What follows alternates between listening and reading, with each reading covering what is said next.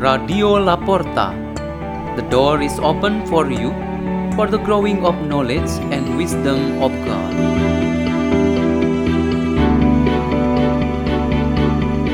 by Victor, lay minister of the parish of St. John Bosco, Danau Sunter, Jakarta.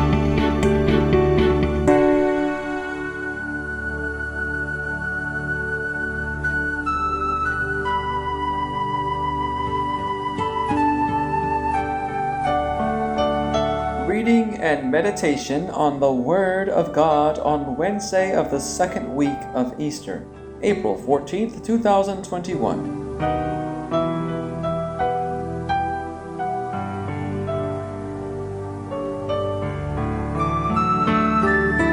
The reading is taken from the Holy Gospel according to John, chapter 3, verses 16 to 21. God so loved the world that he gave his only begotten Son, that everyone who believes in him might not perish, but might have eternal life. For God did not send his Son into the world to condemn the world, but that the world might be saved through him. Whoever believes in him will not be condemned, but whoever does not believe has already been condemned, because he has not believed in the name of the only begotten Son of God. And this is the verdict that the light came into the world, but people preferred darkness to light, because their works were evil. For everyone who does wicked things hates the light, and does not come toward the light, so that his works might not be exposed. But whoever lives the truth comes to the light, so that his works may be clearly seen as done in God. The Gospel of the Lord.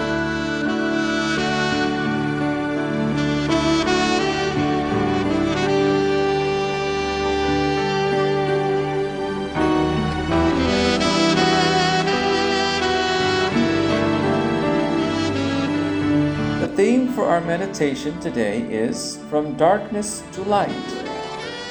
Easter is our real experience of faith in having and using the light of Jesus Christ.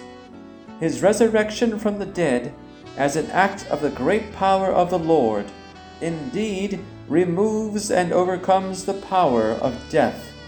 His powerful and everlasting light dispels the darkness. In essence, the spirit of Easter is to guide us and to keep us always walking in the light of Jesus Christ. Easter makes a major change for this life forever. That is, the transformation from darkness to light.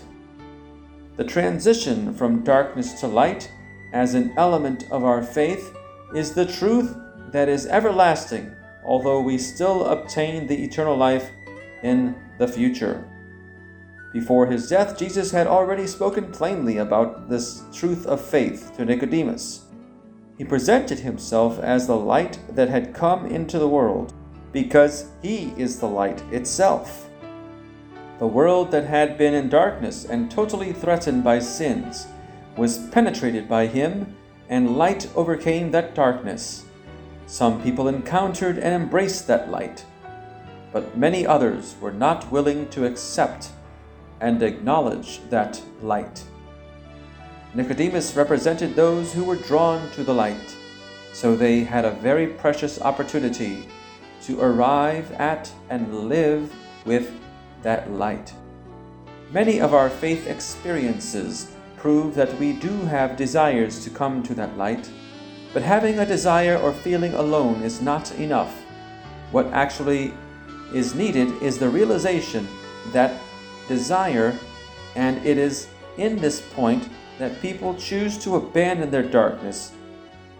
They choose to abandon sinful lives and then come to accept, acknowledge, and believe in the light which is none other than Jesus Christ Himself. Many of us, the followers of Jesus, have passed through these stages. It may be some time ago, or maybe it was even more recently, that we have converted to Christ until we arrive now at this moment at being the children of the light. There are so many experiences found here among us that explain how the children of light live out their commitment, always guided by the light of Easter, which is the movement from darkness to light. The story in the Acts of the Apostles about the apostles who were set free from the prison cells and returning to preach the gospel in the temple is for us a good lesson.